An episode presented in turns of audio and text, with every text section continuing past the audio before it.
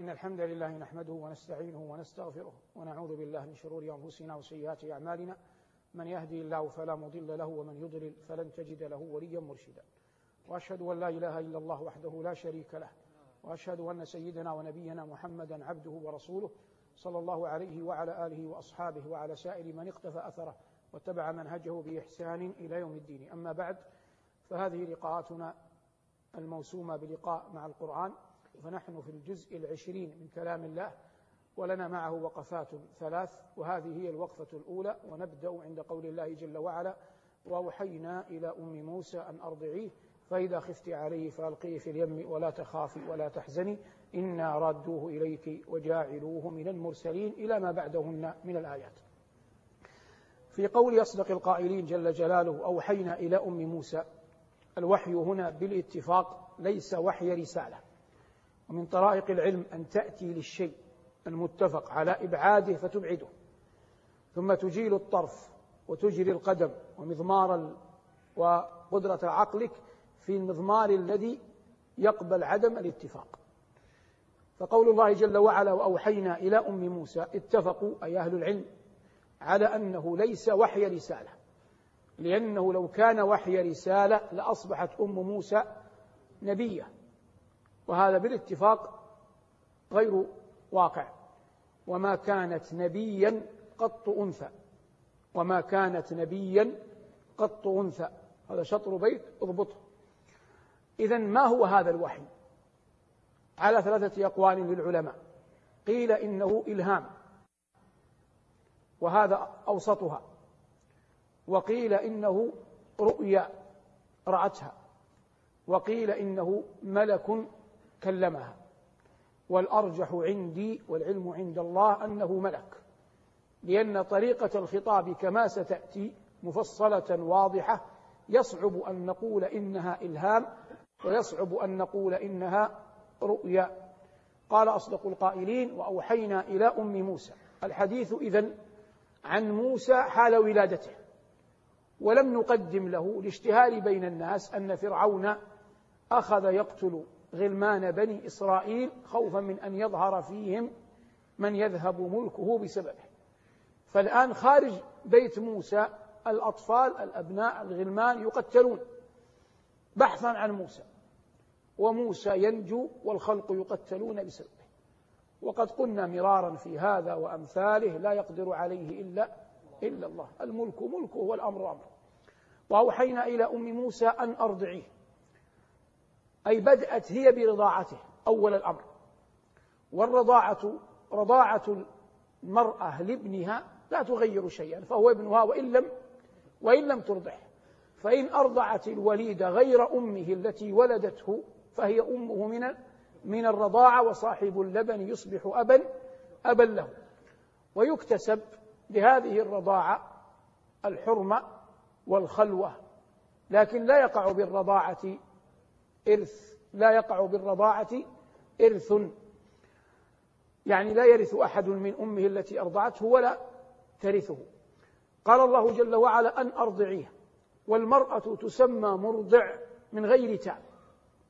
لكن جاء في القرآن قول الله جل وعلا يوم ترونها تذهل كل مرضعة بالتاء. والجواب عن هذا إن هذا وصف للمرأة حال رضاعتها. يعني وهي ملقمة ثديها لابنها على هذا الحال يصح لغة وصفها بأنها مرضعة. أما على غير هذا الحال فتسمى مرضع ولا حاجة للتاء لأن الرجل لا يرضع. كما يقال امرأة حامل ولا حاجة للتاء لأن الرجل لا لا يحمل حتى يفرق بين الذكر والأنثى بالتاء.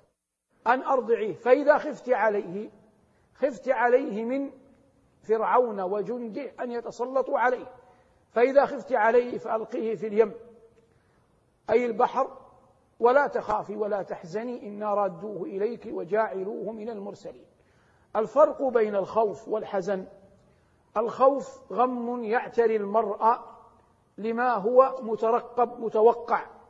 غم يعتري المرء لما هو متوقع ومترقب. وأما الحزن فهو غم يعتري المرء لما هو حال لما هو حال وواقع وواقع فيه.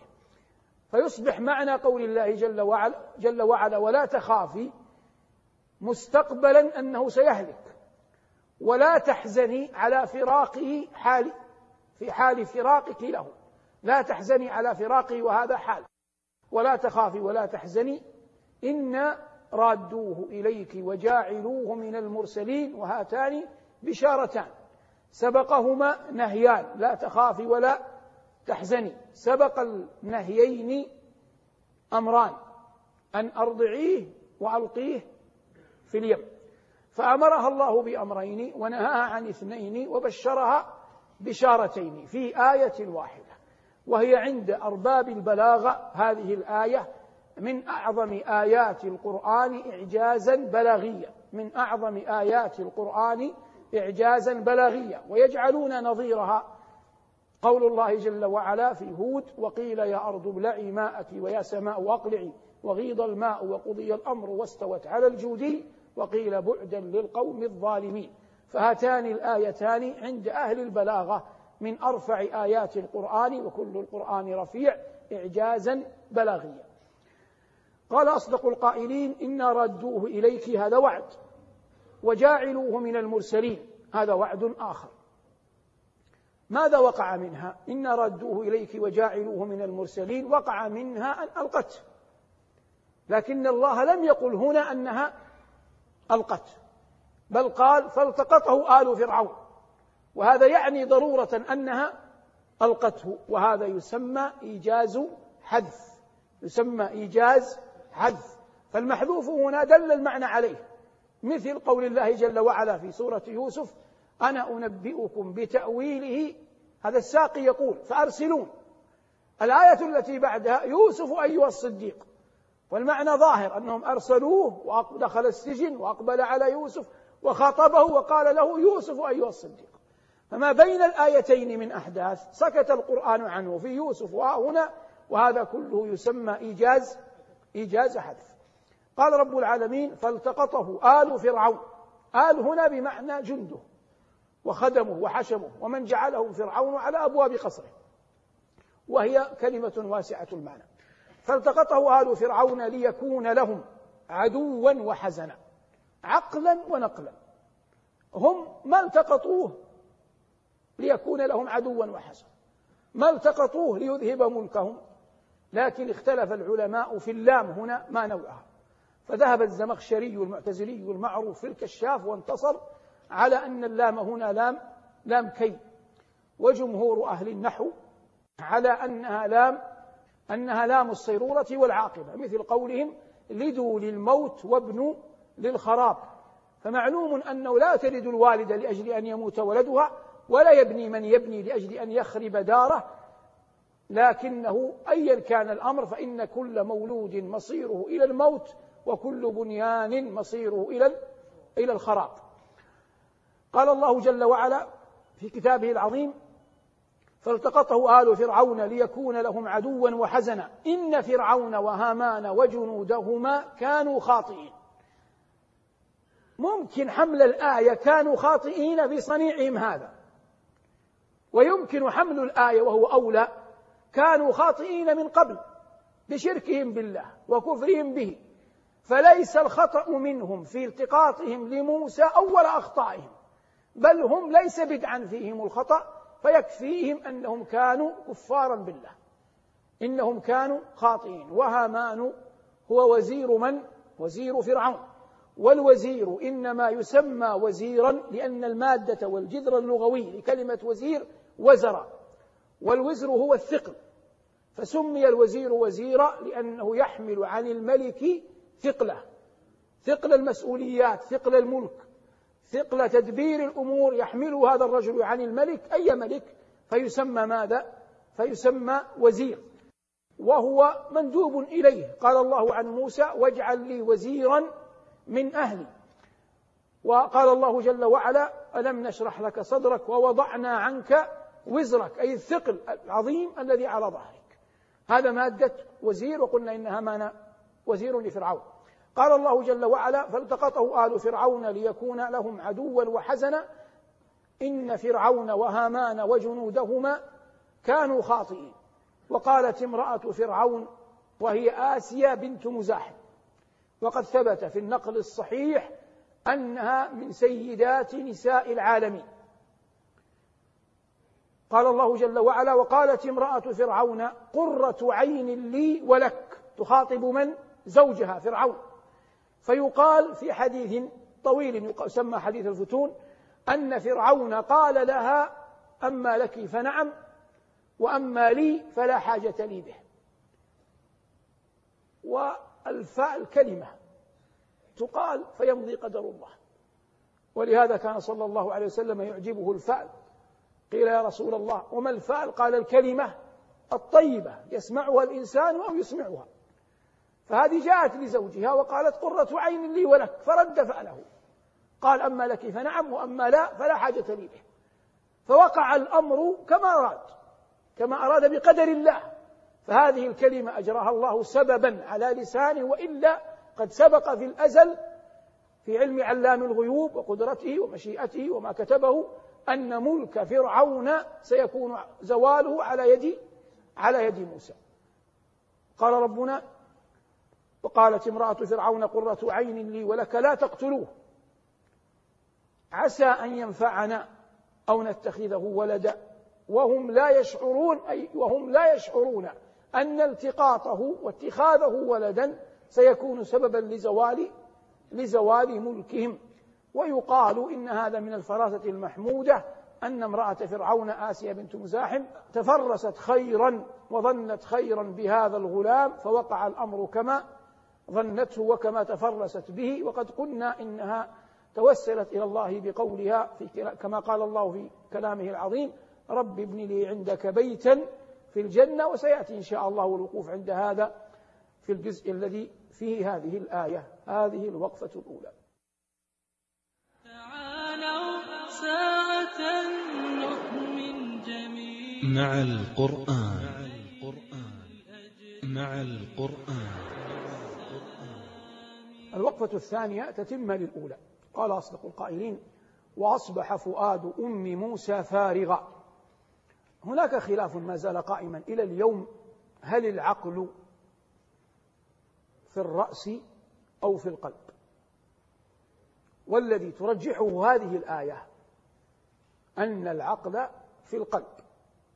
كما قال ربنا لهم قلوب لا يفقهون بها.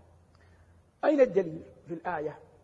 ظنا الآن عندما يأتي أي أحد ويغيب عقله يتصرف من غير أن يدري. حتى إنه إذا فرغ من الأمر يقول لا أدري أين كان عقلي عندما فعلت كذا وكذا. وإن عاتبه أحد في خطأ يقول له أين كان عقلك؟ واضح هذا؟ يقول أصدق القائلين وأصبح فؤاد أم موسى فارغا أي لما عزمت وألقته في البحر ثم علمت أنه قد وصل إلى فرعون طاش ماذا؟ طاش عقلها. هذا معنى قول الله وأصبح فؤاد أم موسى فارغا إن كادت وكاد فعل من أفعال المقاربة. يدل على القرب من حصول الشيء لا لا حصول. قال الله جل وعلا إن كادت لتبدي به. لتظهر الأمر وتخبر أنها أمه وأنه موسى وأنه من بني إسرائيل. إن كادت لتبدي به لولا حرف امتناع لوجود لولا أن ربطنا على قلبها لتكون من المؤمنين. ليس قوله جل شأنه لتكون من المؤمنين جواب للولا بل جواب لولا محذوف. تقديره لولا أن ربطنا على قلبها لأبدت وأظهرت. وتحدثت وأخبرت وقصت على الناس القصة. لولا أن ربطنا على قلبها قلنا لولا حرف امتناع لوجود. فجواب لولا محذوف تقديره لولا أن ربطنا على قلبها لأبدت. أما قوله جل وعلا لتكون من المؤمنين فهو علة الربط لا جوابا للولا. علة الربط لا جوابا للولا. لولا أن ربطنا على قلبها لتكون من المؤمنين. هذه الآية مما ينبغي أن تفهم بعد أن قلنا قال النحاة ولولا وآخر الحديث هذا علم آلة. لكن الفائدة العظمى من, من الآية كيف تستنبط؟ تستنبط أن هذه المرأة أمرها الله بأمرين. ونهاها الله عن نهيين. وبشرها الله بشارتين وكل ذلك لم يجدي كادت أن تتكلم لولا حياطة الله لها. فالذي رحمها وأحاطها وأعانها على أن تثبت فضل الله عليها مع أنها بشرت مرتين ونهيت مرتين وامرت مرتين لكن كل ذلك لم يجدي لولا أن ربطنا على قلبها لتكون من المؤمنين. لما أحاطها الله بعنايته لجأت إلى أخته أي أخت موسى وقالت لها بصفتها أمها قصيه أي تحسسي خبره. وعن عن جنب وهم لا يشعرون أي لا تقحمي نفسك إقحاما. فقال الله جل وعلا وحرمنا عليه المراضع من من قبل. هذا كما مر معنا من قبل تحريم منع لا تحريم شرع. تحريم منع لا تحريم شرع. وحرمنا عليه أي على موسى. المراضع من قبل والمعنى أن موسى أصبح لا يقبل أثداء النساء. يؤتونه بالمراضع الراغبات طمعا في الأجرة من فرعون. ومع ذلك كلما ألقم ثديا أباه وامتنع أن يقبله. وحرمنا عليه المراضع من قبل. فأسند الله المنع إلى ذاته العلية حتى يعلم أن هذا يجري بقدر الله. وحرمنا عليه المراضع من قبل فقالت من التي قالت؟ أخته. هل أدلكم على سبيل العرض على أهل بيت يكفلونه لكم وهم له ناصحون. النصح إجراء العمل غير شائب بالفساد. النصح إجراء العمل غير شائب بالفساد يعني غير مقرون بالفساد. وبتعبير أوضح إخلاص العمل غير شائب بالفساد. وهم له ناصحون. لما عرضت هذا يقول المفسرون لكن هذا ليس في كلام الله أنهم شكوا ارتابوا في قولها فما زالت تلاطفهم حتى اطمأنوا إليها. قال أصدق القائلين فرددناه إلى أمه. جئنا لإيجاز الحذف مرة أخرى أي أن فرعون وآله قبلوا العرض وسألوا عنها وأتوا بها وأعطوه إياها فأخذته وحملته ترضعه. فقال رب العالمين فرددناه إلى أمه. هذا الوعد الذي وعدها الله إياه. من قبل. فرددناه إلى أمه كي تقر عينها ولا تحزن ولتعلم أن وعد الله حق. الآن لاحظ في الأول قال لا تخافي ولا تحزني. هنا لم يقل لا تخافي قال لا تحزني. لماذا؟ لأنه في الأول هي خافت إما أن يهلك في البحر أو أن يهلكه فرعون. لكنه نجا من البحر وأمن عند فرعون فذهب فذهب الخوف فلم يبق إلا الحزن على على فراقه وإلا هي مطمئنة أنه يعيش في قصر فرعون. فذهب الخوف فلم يذكر الله الخوف هنا. قال فرددناه إلى أمه كي تقر عينها ولا تحزن ولتعلم أن وعد الله حق. ولا ريب أن وعد الله حق وأعظم وعده أنه سيدخل عباده المتقين الجنة. فكل من كان على يقين أن وعد الله حق صارع إلى الخيرات. فإن وضع يده في جيبه ليخرج مالا يعطيه مسكين فنزغه الشيطان أن هذا لا داعي له تذكر أن وعد الله حق وأنه سيجد صدقته أمامه عند الله. وإن همت قدماه بالمشي إلى المسجد فجاءه نزغ الشيطان أو من يثبطه من شياطين الإنس أنه لا داعي لهذا صلي في بيتك الأمر فيه ساعة. قال له ما قال؟ تذكر أن وعد الله حق فاختطت قدماه إلى المسجد. إذا الدين كله مبني على مدى يقينك بأن وعد الله حق. فكلما عظم في القلب أن وعد الله حق كان هناك إتيان للعمل. وإن قل في القلب يقينك بأن وعد الله حق كان هناك إحجام عن الطاعة. قال الله جل وعلا ولتعلم أن وعد الله حق ولكن أكثر الناس لا يعلمون. أي لا يعلمون أن وعد الله حق فيقع منهم الجرأة على المعاصي. ولما بلغ أشده واستوى آتيناه حكما وعلما وكذلك نجزي المحسنين. هذا كله من ثناء الله على كمال عقل موسى وبلوغه رشده وكمال نضجه. ودخل المدينة على حين غفلة من أهلها. بعض أهل العلم يقول إنه قد شاع في الناس أن موسى كبر وأخذ ينكر فلذلك احتاج إلى أن يدخل المدينة على غفلة. لكن هذا لا نملك دليلا صريحا عليه ولم يذكره القرآن من قبل. وغالب الظن أن هذا الحدث وقع موافقا لدخوله المدينة على حين غفلة من أهلها. ودخل المدينة على حين غفلة من أهلها إما أن يكون في وقت الضحى وقت بعد الظهر وقت العشاء لا نستطيع أن نجزم لماذا؟ لأننا لا ندري كيف كانت حياة الناس يومئذ.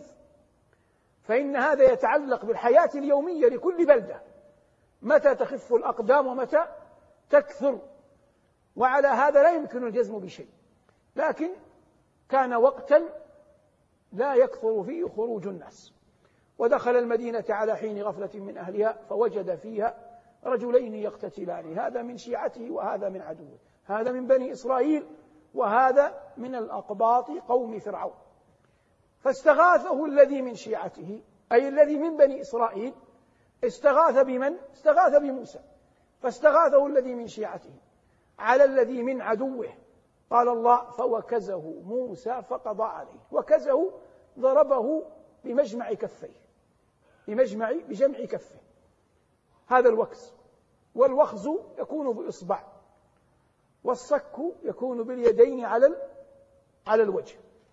فوكزه موسى فقضى عليه وكان موسى كما قال الله من قبل أنه أوتي الأشد والاستواء.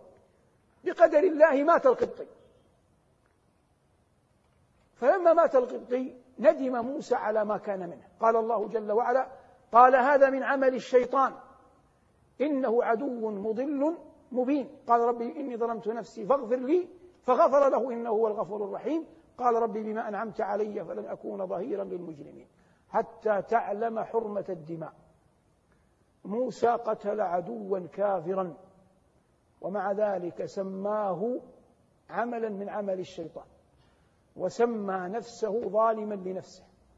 واستغفر الله مما وقع منه رغم أن موسى لم يقصد قتله. رغم أن موسى لم يقصد قتله. قتله خطأ وإنما أراد أن يردعه ويؤدبه حتى لا يتجرع على بني إسرائيل. ومع ذلك مات خطأ فعد نفسه ظالما وسمى هذا العمل ذنبا وأسنده إلى الشيطان واستغفر الله منه.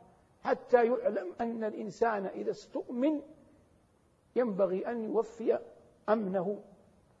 فموسى كان مستأمنا في الأقباط فما كان له أن ينبغي له أن يصنع ذلك. وقد قال في حديث الشفاعة لما يسأله الناس اشفع لنا أنت كليم الله يقول عليه السلام إنني قتلت نفسا لم أؤمر بقتلها هذه الوقفة الثانية ثم نتم إن شاء الله في الوقفة الثالثة.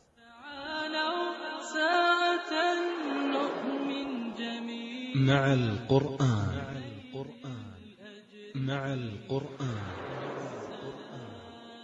الوقفة الثالثة تتمة للثانية والأولى. وأنت تدرك من هذا الشرح تدرك من هذا الشرح. الوقفة الثالثة تتمة للثانية والأولى. وأنت تدرك من هذا الشرح تدرك من هذا الشرح أن لنا طرائق متعددة في هذه الوقفات. ففي كل جزء نتخذ طريقة وقد نتخذ في أجزاء معينة طرائق محددة. فنحن تكلمنا عن موسى في بعد بعثته في لقاءات مضت ولا نتكلم عن مراحل حياته الأولى كما قص الله في سورة القصص. قال ربنا فأصبح في المدينة خائفا يترقب. يترقب ماذا؟ الصواب أنه يترقب المكروه. فإذا الذي استنصره بالأمس يستصرخه. إذا هنا تسمى عند النحاة إذا الفجائية إذا الفجائية. قال الله فإذا الذي استنصره بالأمس يستصرخه. قال له موسى إنك لغوي مبين. رجل شديد الملاحة. تعين على نفسك. لما قال موسى هذا العتاب للرجل الذي من بني إسرائيل وهو أقبل على القبطي ظن الإسرائيلي أن موسى يريد أن يقتله. فالناس شاع في في البلد أن هناك مقتول لكن القاتل مخفي. شاع بين الناس أن هناك مقتول لكن القاتل مخفي لا يعرفون من هو.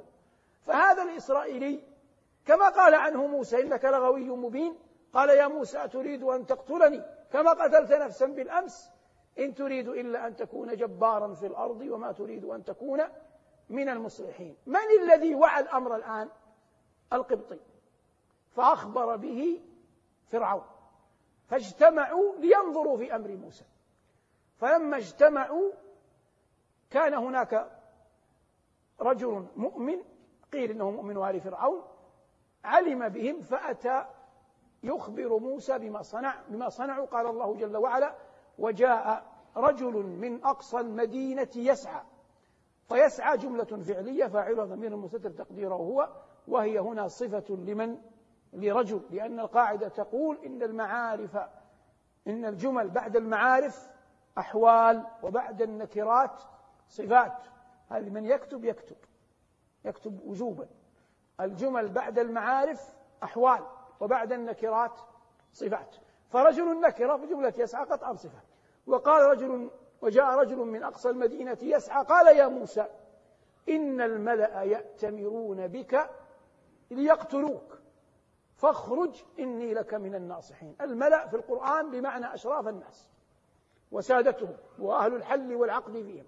إن الملأ يأتمرون بك ليقتلوك فاخرج إني لك من الناصحين.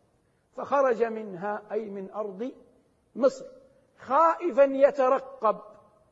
في الأول قلنا يترقب المكروه أما الآن يترقب نصر الله. فخرج منها خائفا يترقب قال رب نجني من القوم الظالمين ولما توجه تلقاء مدين توجه بمعنى أقبل على الشيء بوجهه. توجه بمعنى أقبل على الشيء بوجهه. ولما توجه تلقاء مدين قال عسى ربي أن يهديني سواء السبيل. في قوله هذا عسى ربي أن يهديني سواء السبيل. قال ابن عباس والعلماء من بعده هداه وأي هداية؟ هداه وأي هداية؟ لم يكن لموسى يوم أن خرج من أرض مصر إلى أرض مدين شيء يملكه إلا حسن ظنه بربه. خرج وليس شيئا يملكه وليس شيء يملكه موسى إلا حسن ظنه بربه. فحسن ظنه بربه أورثه بعد ذلك برحمة الله له مقام النبوة ومقام الرسالة ومقام التكليف. سربي أن يهديني سواء السبيل قال الله ولما ورد ماء مدين وجد عليه أمة من الناس يسقون. هذه نقولها على عجل حفاظا على الوقت. ورد ماء مدين وجد أمة من الناس أي جماعة وجد امرأتين تعجب من حالهما الرجال والرعاة يأخذون الغنم إلى البئر وهؤلاء يدفعون الغنم عن البئر. فتعجب فلم يشغله ما فيه لأن القوي قوي في شخصه. فلم يشغله حاله عن حال الناس. فتوجه إليهم يسألهما. فبدأ بالسؤال قبل أن يعينهما حتى يستبين على أي أمر يعينهم قال ما خطبكما؟ ما شأنكما؟ حالكما يدعو للغرابة. لماذا جئتم إلى البئر إن كنتم تمنعون الغنم عن البئر؟ قالوا لا نسقي حتى يصدر الرعاء حتى ينتهي. خوفا من الزحام ونحن نساء. طب ما الذي أخرجكما وأنتما نساء؟ هذا في نفس موسى لم يقله. لم يدعاه أن يقوله. قال وأبونا شيخ كبير. لفظ قطع العلائق على الشيطان. وحرر أنهما ابنتا رجل صالح. ماذا صنع لما تبين له حالهما؟ سقى لهما. الدين قائم على أمرين توحيد الله الحق والإحسان إلى الخلق. توحيد الله الحق والإحسان إلى الخلق. هذا خرج من أرض مدين من أرض مصر إلى أرض مدين. له سبعة أيام في الطريق حتى كاد يلتصق بطنه بظهره. ولم يشغله حاله وأنه غريب عن البلدة على أن يعين الفتاتين. قال أصدق القائلين فسقى لهما ثم تولى إلى الظل. فرغ من السقيا فأسند ظهره إلى ظل شجرة. فلما أحسن إلى الخلق أمل في إحسان الخالق. وأخذ يدعوه بعد أن قدم السبب. فلما قدم السبب فعلا وهو الإحسان إلى الخلق قدم السبب قولا فلجأ إلى ربه وناداه رب إني لما أنزلت إلي من خير فقير. وهذا من قمم التوسل في القرآن. رب إني لما أنزلت إلي من خير فقير. قالوا فما كاد أن ينزل يديه إلا بإحدى الفتاتين على رأسه فجاءته إحداهما تمشي وقف. على استحياء قالت لأن الحياة هنا في الكلم في طريقة العرض. طريقة العرض هي التي تبين المستحي من غير المستحي. فجاءته إحداهما تمشي. على استحياء قالت حتى لا يظن بها السوء إن أبي يدعوك ليجزيك أجر ما سقيت لنا. قبل الدعوة ذهب إلى الأب الصالح فلما جاءه وقص عليه القصص قال له ذلك الأب الصالح لا تخف لأنه ليس لفرعون سلطان على أرض مدين لا تخف نجوت من القوم الظالمين. وهذه أول عطايا الله عطايا الله لموسى ثم زالت تتتابع وبعد عشر سنين أتم الله عليه النعمة وجعله نبيا رسولا صلوات الله وسلامه عليه. هذا ما تيسر إراده وتهيأ إعداده وأعان الله على قوله والحمد لله رب العالمين. مع القرآن نحيا في سلام فخير الوقت في خير الكلام. بتفسير وأخبار حسان عن المختار نبراس الظلام. مع إحساس تسامت به الأرواح في أعلى مقام.